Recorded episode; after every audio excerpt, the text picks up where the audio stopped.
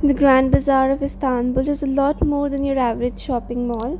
Shopkeepers are not shy about letting you know they want your money and will do their best to get it.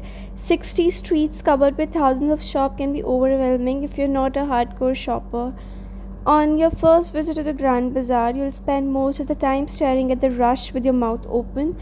The crowds will uh, will be too much and you won't preferably buy something much. But on your second visit, you were you will all ripe targets. You will survive though. You have to put together your photo guide and everything you need to know, including where to find maps, souvenirs, opening hours, shopping etiquette, getting there, and how to bargain like a pro so you come with some awesome and cheap souvenirs. Well, it would be quicker to list what is not for sale because there are millions of weird, wonderful, and normal things to buy.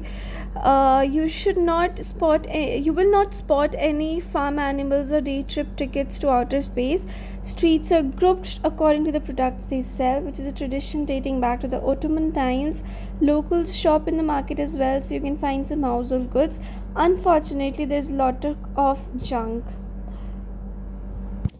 which include a gas mask, if you know something the rest of us don't, a cute little guitar with a Turkish flag on it, a pair of funky boots, a statue of some cool dude from the Ottoman Empire, food and drink from the bloke if he stays, stops daydreaming and wishes for his hand first, a belly dancing outfit. To spice up life in your bedroom, as much silver as you want, and all weird things like that.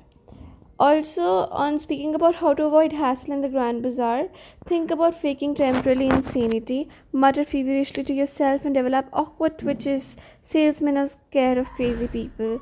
Your second option is to roll around in the trash and sleep on the streets the night before so everyone thinks you're a tramp with no money. Well, by now you should realize what I'm trying to say. This is no normal way to avoid the hassle. You have to deal with it. The Grand Bazaar of Istanbul is lion's den and you are the prey. As mentioned before, the Grand Bazaar of Istanbul is a lot of junk for sale, but if you find something you like, get your bargaining head on. If you do not bargain, you will be ripped off as the shop owner is expecting you to ask for a lower price. Therefore, you already put the price up. As a rule, whatever price he gives you, go back 50% knocked off. He will laugh, tell you he's poor and has six children to feed, and then come back with another price. Repeat the process until you both agree on a price. This bazaar is closed on Sunday but opens every other day from 9 to 7.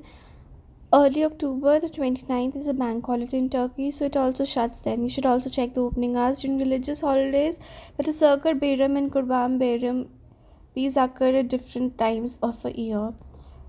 It is located at the Beyazıt district of Istanbul. To ask your hotel for details of buses passing in that direction, if you're staying in the Sultan Ahmed Fatih Imamur Tuscan district, it is in the walking distance.